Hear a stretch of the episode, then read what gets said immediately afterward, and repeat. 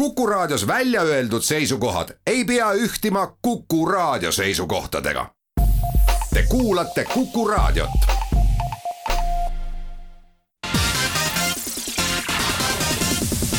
nädala Tegija.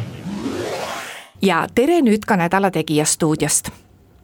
sellel nädalal olen palunud saatesse Eesti Turismifirmade Liidu presidendi Tiit Pruuli, tere Tiit. tervist, tervist. saatejuht on Ulla Lents. Tiit, millal sa viimati reisimas käisid? ma sel suvel äh, tööasjus Lätis äh, pidin ühe korra käima, aga muidu on tõepoolest alates märtsi keskpaigast äh, on minu reisid olnud põhiliselt Eestis.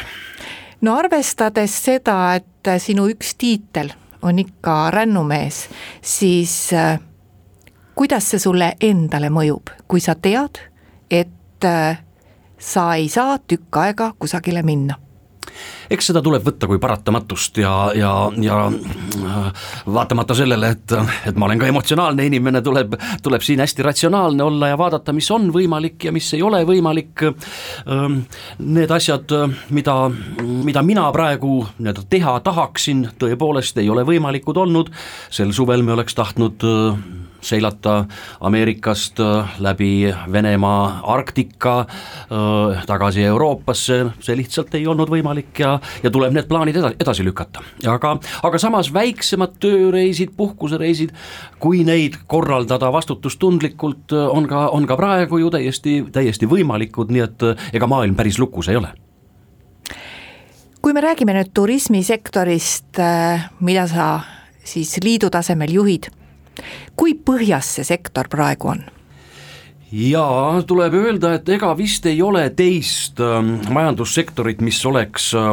mis oleks rohkem nüüd tänaseks äh, pihta saanud, kui äh,, kui just nimelt turismisektor. mida, mm, mida see tähendab, on see, et äh, meie käibed on langenud, noh, kui me räägime reisibüroodest ja reisikorraldajatest, siis üle üheksakümne protsendi, kui me räägime hotellidest, majutusasutustest, siis eelmise aastaga võrreldes praegune number on kuskil kuus kuuskümmend viis protsenti väiksem,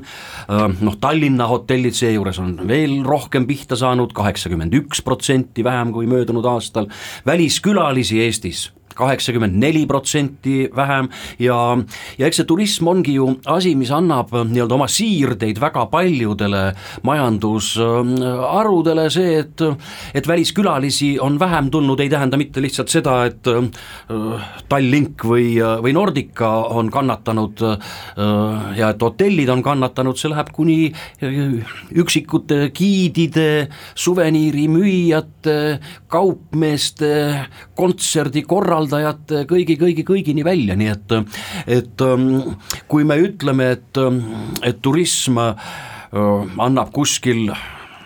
kaheksa protsenti äh, Eesti GDP-st ja, ja, ja sellega on, on seotud siis otseselt kolmkümmend tuhat ametikohta, siis kaudselt on välja arvutatud, et see number võib olla kuni seitsekümmend viis tuhat inimest Eestis, kes on siis rohkem või vähem turismist mõjutatud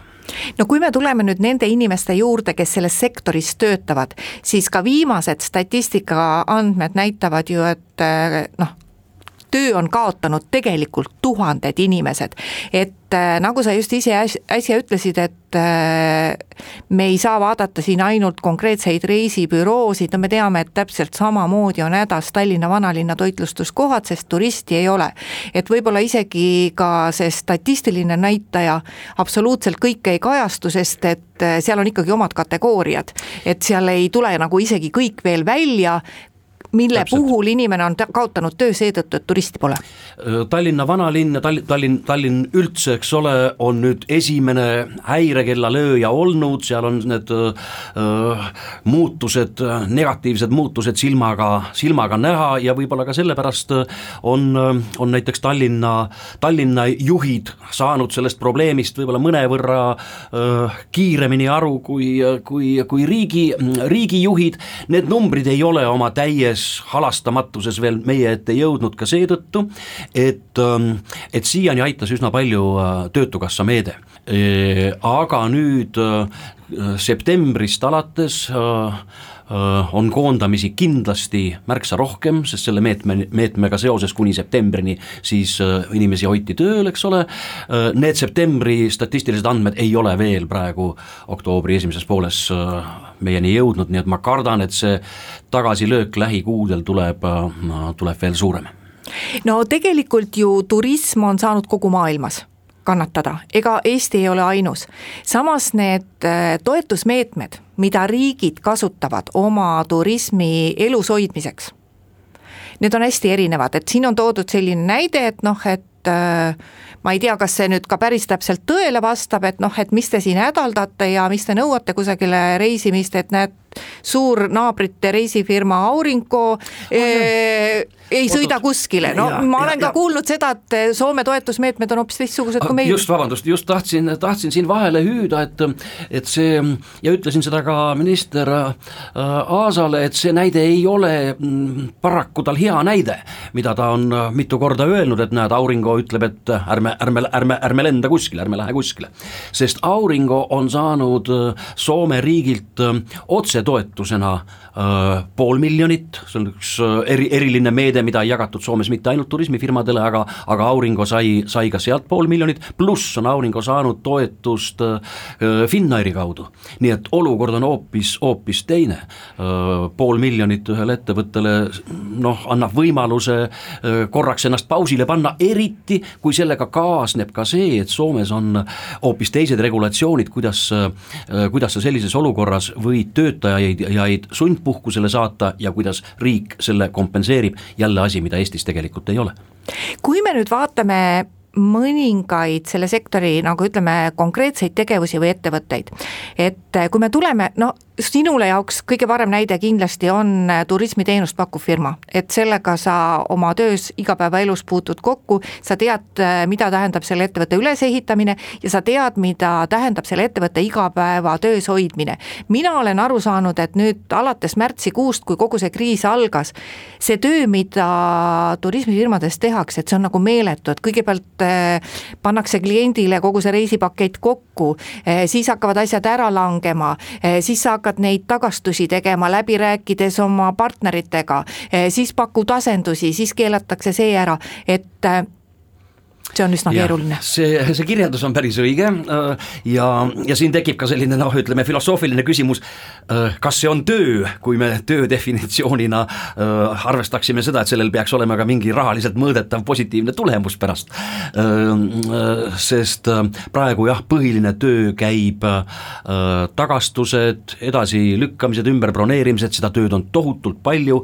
ja noh, ta on ka selline, ütleme emotsionaalselt frustreeriv töö, eks ole. Õnneks on sealjuures äh, äh, tegevust, jälle ma ei julge seda tööks veel päris lõpuni nimetada, tegevust, et ega inimesed tahavad ju reisida, see, see soov ja iha ei ole kuskile kadunud, nad planeerivad oma tulevikureise, pöörduvad reisikonsultantide poole ähm, erinevate küsimuste, päringutega, nendest päringutest realiseeruvad paraku hetkel äh, üsna vähesed, aga näha on, et inimesed ehitavad oma tulevikureise ja unistusi juba praegu väga, väga konkreetselt üles, nii et loodame, et et mõne aja pärast õnnestub need ka realiseerida. me teeme oma jutuajamise ühe väikese pausi ja läheme kohe edasi. nädala Tegija nädala Tegija saade läheb edasi, stuudios on Eesti Turismifirmade Liidu president Tiit Pruuli ja Tiit, kui me võtame nüüd veel selle reisifirma seisukohalt, et äh, mida praegu üldse kliendile pakkuda saab, et ma saan aru, et terve suvi on kõik need Eestis tegutsevad reisifirmad, kes meil ikkagi ei ole päris uksi kinni pannud, on pakkunud äh, igasuguseid reise kodumaal, noh, lähiriikidesse ka suvel sai reisida ja ma saan aru, et praegu praegusel ajahetkel ja mitte ette planeerides saab ka veel mõnda kohta minna, et Küpros ja Kreeka on näiteks sellised. Kreeka on praegu jaa, kuhu on täiesti, täiesti võimalik minna, noh, Türgi äh, läbi mitme teise riigi? on võimalik, aga ütleme jah äh,, mitte otse Eestist, me teame, et inimesed lendavad Türki, teevad seda läbi Soome või läbi Saksamaa, aga Eesti otsus on see, et, et siit otse siis minna ei, ei lubata äh,. nüüd on avanenud Tallinnast märksa märksa rohkem otselende, kui see oli suvel, eilset Äripäeva soovitan lugeda, kus, kus siis kirjeldatakse päris hästi seda olukorda, et et lennukeelud olid Eestis mingil arusaamatul põhjusel siis, kui tegelikult Euroopa olukord oli, oli suvel üsna hea. Eesti piiras paaniliselt otselende noh, nüüd, kui siis olukord on läinud tõesti keerulisemaks, nüüd on Eestis aru saadud, et need lennukeelud ei tööta ja, ja on enamus neist maha võetud, nii et praegu otselende on, milles hetkel on probleem, on see, et eks, eks, eks seda, kui, kui otsustajad söögi alla ja peale kordavad, et ärge minge kuskile, see võib olla äh, teile ohtlik, kogu see retoorika tegelikult on, on inimeste, äh, inimestesse teatud hirmu ja, ja ma ütleks isegi paanika tekitanud, nii et, ähm, et ka, ka sihtkohad, mis tegelikult on äh, äh, tervislikus mõttes puhtamad kui ma ei tea, Ida-Virumaa või, või ka Harjumaa, ega väga hea meelega inimesed praegu mm, minna ei julge, see hirm on meisse liiga tugevalt sisse süstitud.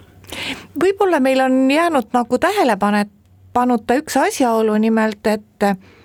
reisimine on maailmas ikka alati natukene, ma ei ütle, et see oleks ohtlik, aga see on tegevus, mille puhul on alati pidanud, eriti eksootilisemates kohtades, eh, pidanud endale selgeks tegema seda, et eh, mis seal sihtkohas, kuhu sa lähed, mis seal on. on ju kohti, kuhu tuleb kindlasti teha väga kindlad vaktsineerimised, no eh, me ju teame kõik, et ega sealsamas Egiptuses ka turvalise reisimise ajal võis saada seal mingisuguse kõhubakteri, kõik, kes teavad, kõik, kes on seal käinud, teavad, et ega sada protsenti eh, sellist keskkonda reisil, nagu sul kodus on, seda ju ei ole on ohtlikumad kohad ja on vähem ohtlikumad kohad ja seda ka tervise mõttes. noh, ja kodus on meil veel lisaks Tallinn-Tartu maantee ka väga ohtlik koht. aga, aga jutt jumala mm, õige ja siin me jõuame mõisteni, millest varem on ka ju räägitud, aga nüüd eriti aktuaalseks muutunud vastutustundlik reisimine. me peame endale tegema selgeks reeglid kuhu saab minna, millised on selle sihtkohas äh, ettekirjutused, mida tuleb täita, kuidas äh, tõesti noh, elementaarset hügieeni, nii nagu me koduski peame täitma, tuleb reisil veel eriti hoolikalt täita. ja, ja kui me vaatame tegelikult seda statistikat, äh, kui palju on haigestumisi kas lendudel või lennujaamades, siis need numbrid on väga-väga väikesed. Äh, täna, täna, tänases olukorras lennukid, lennufirmad ja, ja lennujaamad hoolitsevad eriti hoolikalt kõigi hügieeninõuete eest, nii et, et et seda mina, mina, mina nüüd kindlasti ei, ei kardaks, et kas lennukis või lennujaamas võiks kuidagi kergemalt nakkuse saada, kui, kui Eestis ringi liikudes. jah, on, on sihtkohti, kus haigestumisnäitajad on märksa suuremad kui Eesti, aga see jutt, mida nüüd me sel nädalal oleme ka kuulnud, et et no reisides tuuakse, tuuakse haigus sisse ja möödunud nädalal oli nelikümmend viis juhtu, kus reisilt toodi haigus Eestisse, tõepoolest tõepoolest, tõepoolest, ja siis vaatame, kust need kohad, kus need kohad on või mis need kohad on, kust toodi Venemaa, Ukraina ja Rootsi sõbrakesed, need ei ole sihtkohad, kus Eesti puhkuseturistid on käinud, inimesed on käinud või tulnud sealt hoopis mingitel muudel põhjustel, mis ei puuduta turismi absoluutselt. kui vaadata veel asju nii-öelda filosoofilisemalt seisukohalt, siis mulle endale tundub ja ma arvan, et sulle ka noh, meie, kes me oleme elanud pool oma elu ühes teises ühiskonnas, kus kõik oli keelatud, siis mind nagu kõige rohkem häirib eh, vaat just see keelamine, sest demokraatlik ja, demokraatliku ühiskonna üks tunnus on see, et eh, inimesed langetavad otsuseid ise ja muide ka vastutavad nende eest, ehk siis kui ma viin selle reisimise tasemele, siis palun ärge keelake mul istuda Tallinnast lennukisse, ma tean ise, kuhu ma sõidan juhul kui lennufirma on pidanud vajalikuks üleüldse sinna lennata. Ja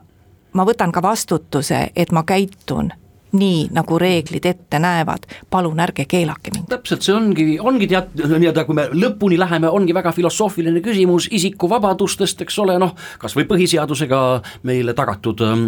vabadustest, on selge, et on teatud olukordi, nii nagu me ka kevadel olime olukorras, kus me ei teadnud selle haiguse kohta midagi, kus meil olid ees väga hirmsad ja hoiatavad näited, Hiina, Itaalia, Hispaania ja,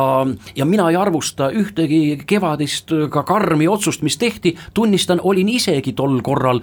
seisukohal, et pigem karta kui kahetseda, oleme ettevaatlikud, ei muretsenud oma, oma reisiäri pärast, vaid, vaid ütlesin, et tühja see äri, peaasi kui inimesed on elus ja terved. Tänaseks on, on olukord hoopis teine. Ja nüüd need, need keelud ja käsud ja asjad meenutavad, ma tegutsen teenindussektoris, eks ole, turismi, turismiettevõtjana ja ja võib-olla ma tooksin siit ühe sellise näite, eks ole, et kui minu, minu hotelli restoranis tuleks, tuleks ettekandja ja, ja paneks mulle lauale ühe klaasitäie valget ollust, noh, selgub, see on hapuks läinud piim, siis äh,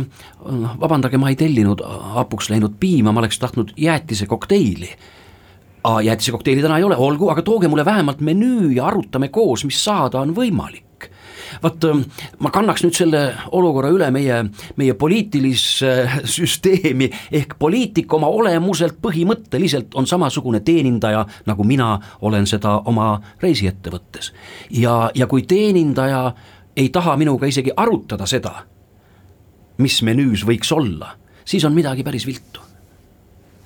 me teeme siinkohal oma jutuajamisse väikese pausi, kuulame ära Kuku raadio poolesed uudised ja siis räägime Tiit Pruuliga juba edasi. nädala Tegija nädala Tegija saade läheb edasi. stuudios on Eesti Turismifirmade Liidu president Tiit Pruuli ja Tiit, sa oled ju ise poliitikas olnud ja poliitikutele ja tipptaseme poliitikutele väga lähedal seisnud no,. see oli, see oli küll väga ammu, ma see oli väga ammu, aga vähemalt sa kujutad ette, et et noh, et mis tunne, kui me räägime nüüd ka sellest, mis toimub teisel pool lauda, lauda, et mis tunne on olla riigijuht, ükskõik praegu maailmas, missuguse riigi juht, võib-olla mitte praegu, aga märtsikuus, eks ole, kui kõik see, milleks me üldse ette ei olnud valmistatud, kui see kõik meile kaela sadas ja kui keeruline on teha otsuseid, et suudad sa ennast ka sinna rolli panna? absoluutselt seda mm, olukorda, vastutust ja närvipinget, mida, mida poliitikud on pidanud viimase poole aasta või juba pisut rohkema aja jooksul kandma, on raske isegi kõrvalseisjal ette kujutada ja, ja veel kord, ma ei taha kuidagi arvustada otsuseid, eriti neid otsuseid, mis kevadel äh, teadmatuses tehti, aga nüüd me võiks samm-sammult liikuda nagu ähm, noh, ratsionaalsema lähenemise, lähenemise poole ja saada aru, et äh, ega midagi ei ole teha, kuni vaktsiinid tulevad, ju nad tulevad üsna pea, olen mina, ma, ma kindel, aga kuni nad tulevad, tuleb selle haigusega koos elada ja see ei ole mitte lihtsalt, ei saa olla sõnakõlks, et elame temaga koos, vaid me peamegi vastutustundlikult käitudes temaga koos elama ja mitte oma elu seisma panna. kui öelda, et no aga see haigus toodi Eestisse reisides ja jah, toodi, toodi küll, kas see oli nüüd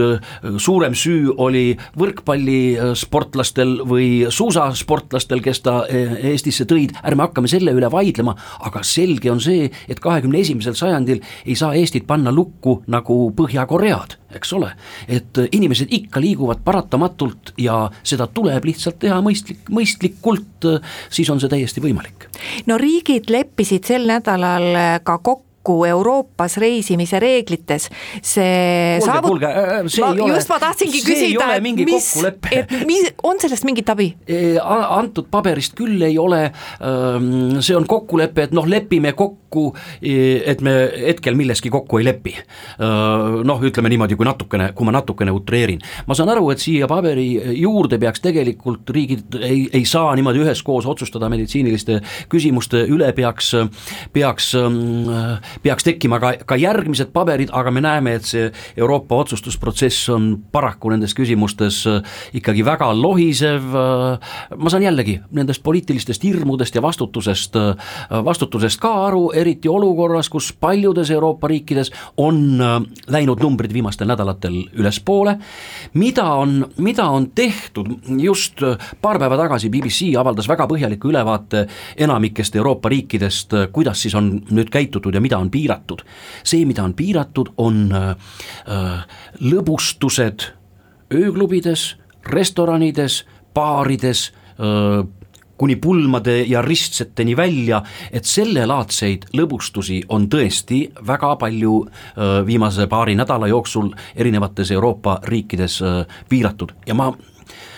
mulle meeldib ka tantsu lüüa ja, ja, ja õhtul mõnikord napsi võtta, aga ma ütlen, see tarvidus on inimese jaoks märksa väiksem kui see, et Põhjamaa inimene saaks korra talve jooksul äh, puhkama päikse kätte oma energiat ja, ja D-vitamiini varusid laadima, nii et kuskil meil tuleb valikuid teha, kas me tahame, et üks osa seltskonda tantsib äh, ööklubis, kus talle veel äh, piirangu viimasel sekundil kallatakse kõik klaasid alkoholi täis või me tahame, et äh, inimesed saaks normaalselt, äh, nii nagu nad harjunud on, käia, käia korraks päikse all patareisid laasimas, see on jälle valiku koht. Oled sa nüüd kuulnud, et mis äh, võiks saada sellest Tenerife erandist, et noh, ma näen, tean, et see on nüüd see koht, mida reisifirmad hakkavad kohe müüma, sellepärast et seal algab hooaeg oktoobrikuus ja noh, see on ka üks väheseid kohti, kus lähedal talvel üldse saab päikese käes olla, sest ma saan aru, et Aasia on praegu suhteliselt kinni. et, et mis sellest erandist kuulda on? jaa, selle me tõstsime lauale möödunud nädalal peaministri juures kohtudes, et võiks siduda mõned paigad lahti oma emamaast, kui, kui seal on meditsiiniline olukord teistsugune kui, kui siis emamaal. Tenerife on loomulikult üks nendest, teisena ma nimetaksin ka Madeirat mis, mis oleks ka üks arvestatav puhkuse koht talveperioodil, sest olukord jah, ongi ju selline, eks ole, et, et Egiptus kus Eesti inimesed on enamasti käinud, ma olen nõus, Egiptuse numbreid me ei saa usaldada, see, see on natukene kriitiline sinna praegu tšarterreiside organiseerimine tänase seisuga, just nimelt tänase seisuga või eile avaldatud numbrite järgi, Hispaania on praegu nüüd alla Euroopa kahekordse nakkumiskordaja nii ehk teisiti, nii et Tenerife on avatud, ma loodan, et me jõuame mm, valitsusega äh, ka, ka sinnani, et, et isegi kui emamaal Hispaanias peaks äh, olukord halvenema, siis Tenerife jääks lahti, sest vaadake, nende reiside planeerimine, ettevalmistamine, müümine, see võtab ikka natukene rohkem aega kui, kui kaks päeva äh, ja kui kui, ja kui siis kahe päeva pärast jälle asjad keelatakse, eks siis, siis me oleme samasuguses olukorras, nagu äsja olime, olime Türgiga. no ma olen kuulnud, et äh, Tenerife äh, oma valitsus on keskvalitsusega ka saavutamas kokkulepet, et äh, nad teevad sealsetele turistidele soodustusi sealt käis läbi isegi selline asi, kuna Tenerife on nii huvitatud, et turistid tuleksid ja, ja Kanaari saared üldse, kus ju see nakatamisnäitaja on oluliselt väiksem kui Mandri-Hispaanias, et ma sain sealt isegi aru, et sealne valitsus on isegi nõus äh, inimesed, kui nad äh, hakkavad koju tagasi minema ja enne seda, kui nad testi annavad, et nad on isegi nõus need kulud kõik ise kandma, kaasa arvatud kulud, kui inimesed peaksid seal karantiini jääma. no on see nüüd täpselt nii või kuidagi teisiti, aga vähemalt nende suur soov ja. on, et äh, see paikkond mingil no. määral ikkagi turiste lubaks sisse. noh, Kanaarid, Madeira, nad ju elavad turismis, see on nende noh, kas just päris ainuke, aga valdavalt kõige suurem sissetulekuallikas ja ja see, see kulu äh, teha ei ole neil ka väga suur, suur probleem, arvestades seda sissetulekut, mis nad, mis nad saaksid või, või seda miinust, mis nad saaksid, kui turiste ei tule. räägime meie oma ettevõtete, me ei tea ju, kui pikk see koroonakriisi periood meil siin veel on, äh, mis sa arvad, kui paljud turismiga tegelevad ettevõtted ellu jäävad pärast seda. no hotellidele on öeldud, et noh, et pange ennast vahepeal kinni või tehke midagi muud. no tõenäoliselt pange, kui sulle pange ennast kinni ja see on hea öelda, aga kui sul äh, laenumaksed tiksuvad, kuida-, kuidas sa ennast siis, mis see kinnipanek tähendab, see tähendab pankrotti hotellid on proovinud ka ja proovivad praegugi leida nii-öelda uusi ärimudeleid, nagu, nagu on poliitikud soovitanud, noh näiteks üliõpilastele pikemaks perioodiks välja rentida ruume, ega see, ega see üleliia lihtne ei ole, väik-, väik-, väikeste sammudega õnnestub, aga see see ei täida seda lünka, see on, see on sama küsimus, et, et turistid jätsid eelmisel, välisturistid jätsid eelmisel aastal Eestis, Eesti majandusse kaks miljardit eurot, kaks miljardit eurot siseturism, seda me loomulikult peame toetama ja, ja, ja kaasa aitama sellele praegu nii palju kui võimalik, aga iial ei suuda siseturismiga me seda numbrit Eesti, Eesti majandusse jätta, me pööritame ju noh, nii-öelda sisuliselt raha ühest taskust teise, aga jah, turismiettevõtetele on see, on see loomulikult kasulik.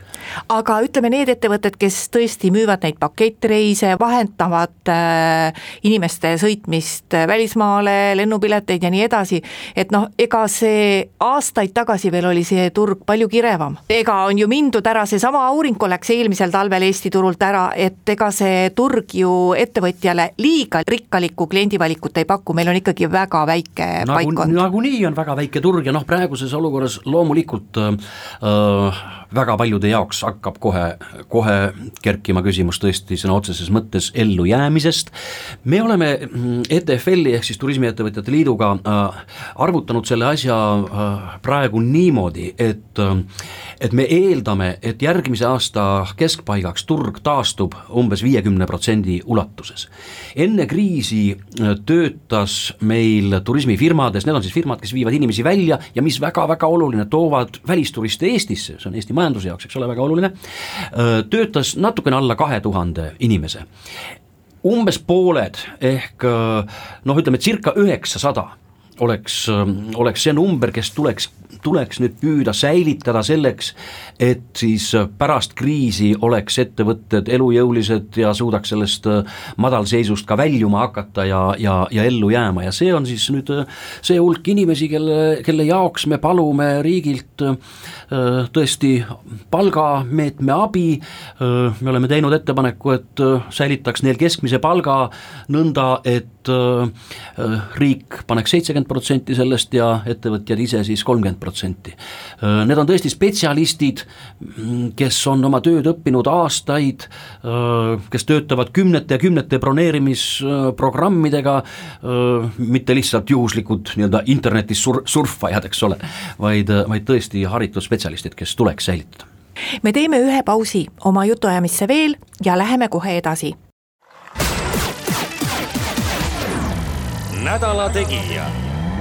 nädala Tegija saade läheb edasi, stuudios on Eesti Turismifirmade Liidu president Tiit Pruuli. meie jutt jäi pooleli vaat just äh, nende töötajate juures, et äh, ära on läinud paljud inimesed, samas spetsialistid, et kui sa selle spetsialisti nagu kaotad siis ja ühel see... hetkel sa pead selle inimese siis nagu uuesti leidma või uuesti õpetama et.... see õpetamine muide ei ole ka mm, paljudel juhtudel noh, niisama, et õpetad talle koolis kaks võõrkeelt ja ja, ja Exceli tabeli tege, tegemise selgeks, eks. siin on noh, kui me räägime näiteks nendest äh, spetsialistidest, kes toovad Eestisse äh, turiste kas incoming firmadest või turismibüroodest, kellel on siis oma incoming'u osakond äh,, üks oluline asi on seal pika aja jooksul, jooksul sõlmunud isiklikud suhted, olgu need Jaapani, Saksamaa, Hiina turismifirmadega, ähm, kõrval on ju kogu aeg lätlased, soomlased, leedulased, kõik, kes, kes teevad sama tööd ja tahavad neid Saksa või Jaapani äh, turismigruppe en-, endale saada, eks ole, ja see, kuidas nüüd ühte, ühte gruppi Eestisse tuua, see on tegelikult suur oskus, millel on aastatepikkune kogemus ja, ja isiklikud suhted taga, eks ole. et seda me ei saa lihtsalt poole, poole aastaga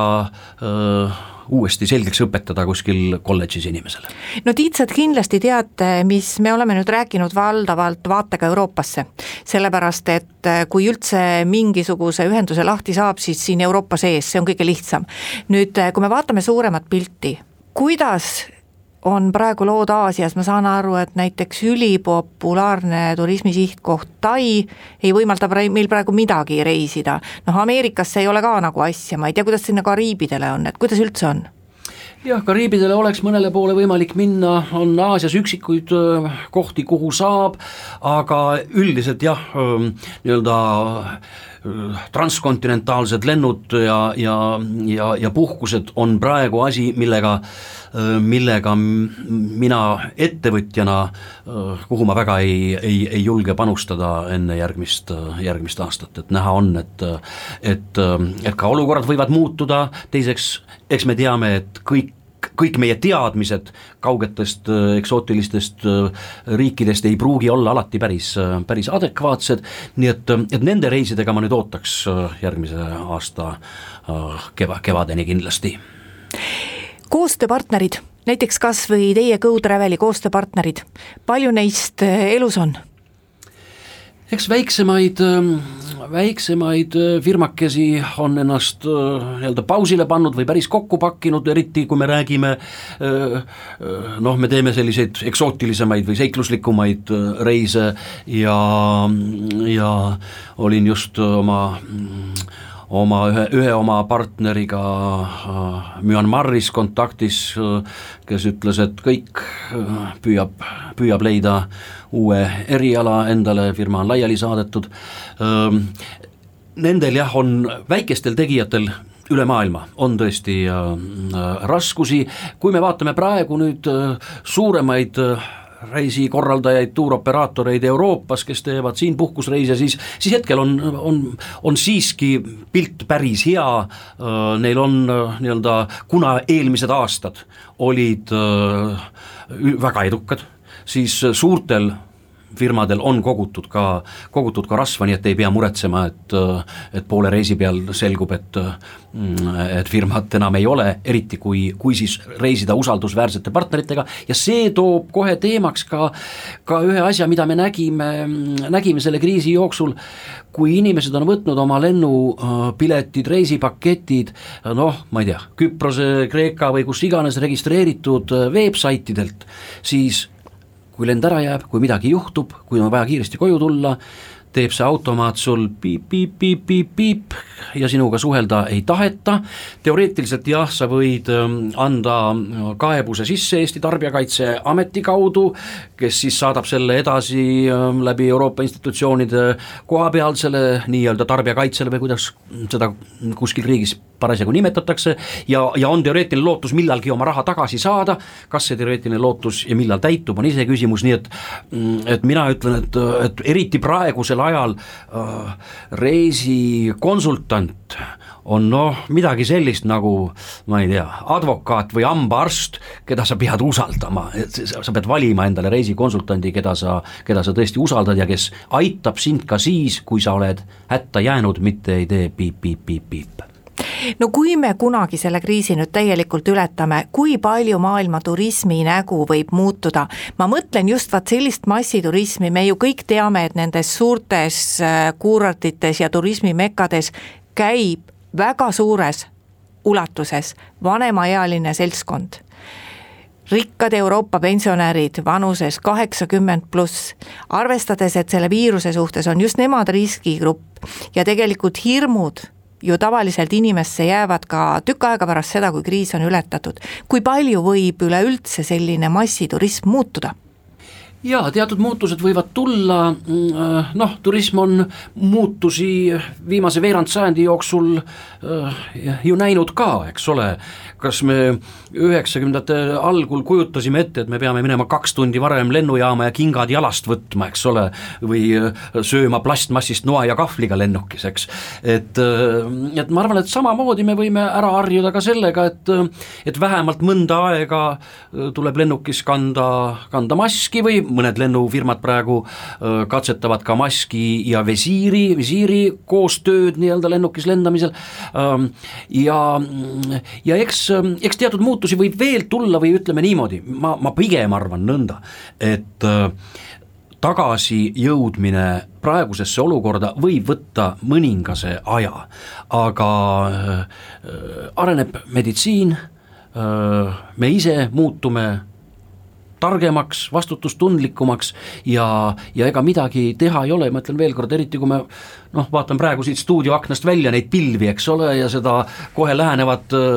silmaga nähtavalt lähenevat kaamost, siis me elame kliimavööndis, kus, kus me, see on